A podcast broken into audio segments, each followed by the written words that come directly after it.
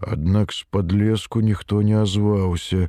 Затым там штосьці хруснула, яўна і падазрона. Бураў пастаяў і раптам угнуўшыся, тузануў затвор карабіна. Ён не так згледзеў здаля, ды ў цемры, як адчуваў пагрозу ў кустоўі, дзе, напэўна, ўжо з'явіліся людзі. Стой! гучна вызверыўся ён і сеў на кукешкі, каб штосьці лепш згледзець. Нейкі цень ужо выразна матлянуўся там між нерухомых плямаў ядлоўцу і знік. Стой! здушана загадаў бураў. І толькі ён дакрануўся да пляча карабінам, каб стрэліць, як з таго боку грымнули запар тры стрэлы. Куля ляснула аб камель блізкай хвоі, кінула ў яго карыной, Што ж гэта такое? Там жа войцік. Дзе ж войцік? Роспачна матлянулася ў галаве думка, і ён стрэліў таксама. Два разы запар. Адтуль застралялі часта і бязладна. Бураў напружыў зрок, каб што-небудзь там згледзець, як спалохана асеў долу, падкошаны вострапякучым ударам у бок. Ну, попали, попали. У змроку непадалёк ужо мільгалі хісткія цені, Ён яшчэ раз стрэліў і спалохаўшыся, што яны акружаць яго, скочыў у бок, покатам пакаціўся з грудка. Ззаду загалёкала некалькі галасоў, бахалі таропкія стрэлы, а ён, не разбіраючы дарогі, задыхана бег, несучы пякучую патарчаку ў баку. Кулі з хлёсткім безуновым посвістам не залі лесавыя нетры, Ён адчуў іх імпэтныя удары вакол і бег колькі было сілы толькі ногі цяпер маглі даць яму паратунак. Было зусім цёмна, ён не ведаў шляху, даўно згубіў шапку, абдзёрся ў сучча і ўрэшце ў лесу хмызняк. Тут бегчы было ўжо нельга, заблытаўшыся нагамі ў хворасці упаў, за штосьці ухапіўшыся устаў зноў. Стрэлы бахалі ззаду, хоць, здаецца, ён надарваўся ад даганятых. Пад нагамі пачалася балацявіна, нейкія шархотныя зараснікі лазняку ці алешніку, якія зусім не давалі бегчы. Ён запаволіў крок, ногі падагнуліся, і ён упаў, губляючы апошнія сілы. Свядомасць яго пачала цьмець у праваленых памяці і болю, Ніж жывата быў увесь у крыві, Ён павярнуўся ў доле і застыў, так і не сцяміўшы, уратаваўся, ці ўсё ж пагібель дагнала яго. Як толькі побач закрычаў бураў сушэння ледзь не абмёр у сваёй ямцы магіле, бо надта спалохаўся, хаця, здавалось б, чаго ўжо было палохацца гэтаму чалавеку.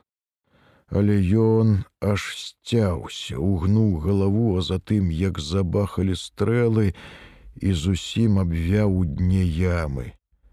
Вядома, ён не сцяміў адразу, што здарылася там наверсе, і толькі калі побач матлянулася прыгнутая постаць бурава, зразумеў, што трэба ўцякаць.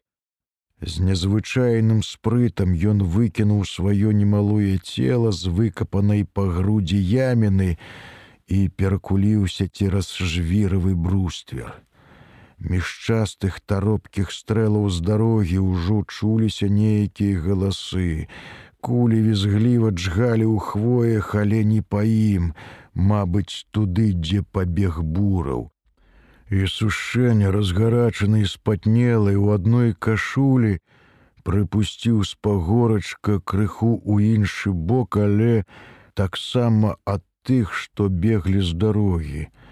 Ён не разумеў, што гэта былі за людзі, свае ці немцы, але калі бураў кінуўся на ўцёкі, дык і яму трэба было бегчы. І ён бег, спярша з баравінкі ледзьве не паляцеў з потарча, зачапіўшыся за пенці корань, абадраўся аб голлю хмызняку, выскачыў ну узбалаць з мяккім імшыстым долам. Далей тут было хмызняковае балота, але ведаў ён, балота можна было абысці, калі кіраваць па пагорку з хвоямі. І ён патрухаў пагоркам, аж пакуль ладна не ўходаўся, тады пайшоў крокам. За ім не гналіся, Можа, яго і не згледзелі нават. Нейкі час на баравінцы чулася непэўная гамана і бахалі рэдкія ўжо стрэлы, усё ў той бок, куды кінуўся бураў. Але з-за буравым яны, здаецца, таксама не пагналіся. Падобна яны таўкліся ўсе на пагорку, голасна і ўзбуджана нешта гамонячы. Словы іх ледзьве даляталі да сушэння, ды ён не мог іх разабраць. Ён слухаў і чакаў, куды яны скіруюць здалей, па ягоных слядах ці забуравым. Будуць шукаць ці не. Страляць, аднак яны перасталі. Над лесам зноў запанавала ветраная ціша, вакол ляжала настылая лесавая цемра. Тады сушэнне падумаў, што мяркуючы па ўсім, ягоны расстрэл пакуль што адсоўваўся, даўшы нейкую мажлівасць для паратунку. Толькі дзе той паратунак, у якой старане. Дома ўжо пэўна ён не ўратуецца. Дома яго дастануць, зараз жа, як толькі ён з'явіцца там. Але дзе не дастануць? Куды яму скіраваць свой адсюльбег, і як пакарыстацца такой рэдкай і дзівоснай удачай, што нечакана кінуў яму яго нешчаслівы лёс. Ён пайшоў цішэй ашчадней, каб не налезці на сук, усё азіраючыся і прыслухоўваючыся. Рабілася дужа холодна. Рукі яго ўжо скалілі дашчэнту, сцюдзёнай карыною зялася на спіне кашуля. Ён доўга і слепа брыў па негустым тут хвойніку. Сярод лесавога пошуму услухаўся, стараючыся што-небудзь учуць з пагорка, але там падобна было ўсё сціхла. Можа, яны адтуль ужо і змыліся. Вядома, чаго ім сядзець ноччу ў лесе. Недзе там засталася яго ватоўка, ды мусіць, ватоўку ўжо не возьмеш, ватоўку яны падабралі. Канешне, гэта паліцаі, інакш бы бураў не пачаў у іх страляць, ды яны ў бурава таксама. Толькі як яны налезлі на іх уначы, ці можа пачулі з дарогі, але ж там быў гэты другі партызан з канём, куды ён падзеўся, можа забілі. Мабыць, забілі, калі ён нічым не азваўся, ні стрэлам, ні крыкам, і даў гэтак нечакана абкласці баравінку. Праз які кіламетр ці болей ад баравінкі сушэнне спыніўся на краі старой дзялянкі вырубкі з добра падрослым гушчаром маладняку. Ён усё думаў, куды падацца. Слых яго сіліўся злавіць якія-небудзь гукі з баравінкі, але адтуль ужо нічога не далетала праз лес пастаяўшы трохі і спачыўшы, ён палез далей у гушчарны дзялянцы, але хутка спыніўся. А можа, яны пайшлі з баравінкі ці пабеглі за буравым, падумаў ён і павярнуў назад.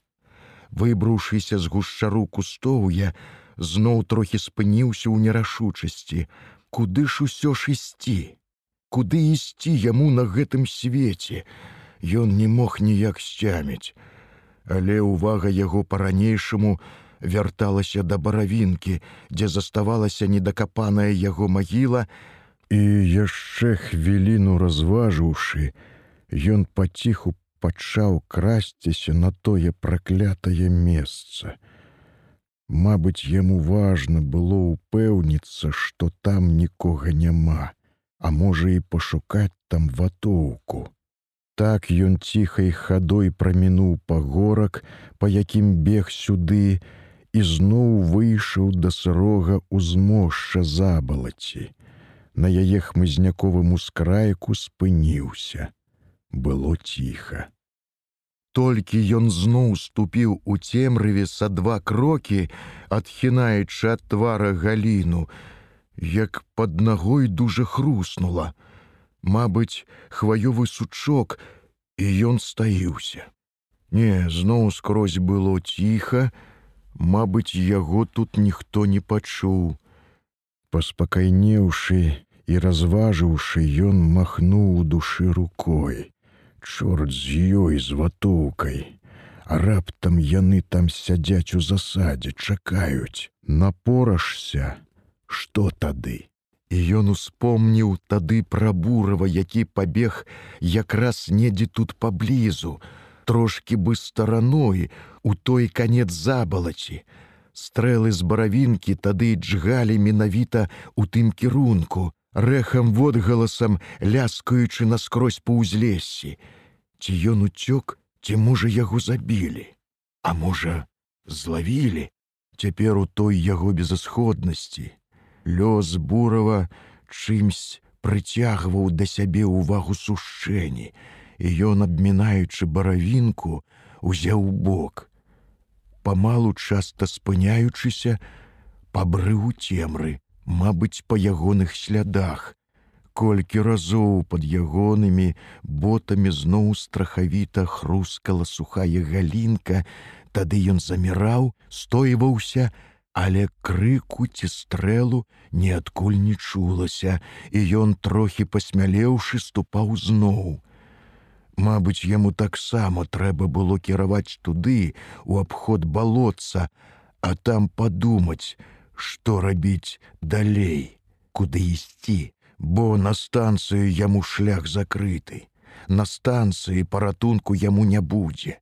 Хіба што ў лес ці куды на хутар ці у які схоў далей ад людзей, вёсак, дарог, дзе толькі ён знойдзе такі здатны схоў, ды яшчэ ў такую халадэчу.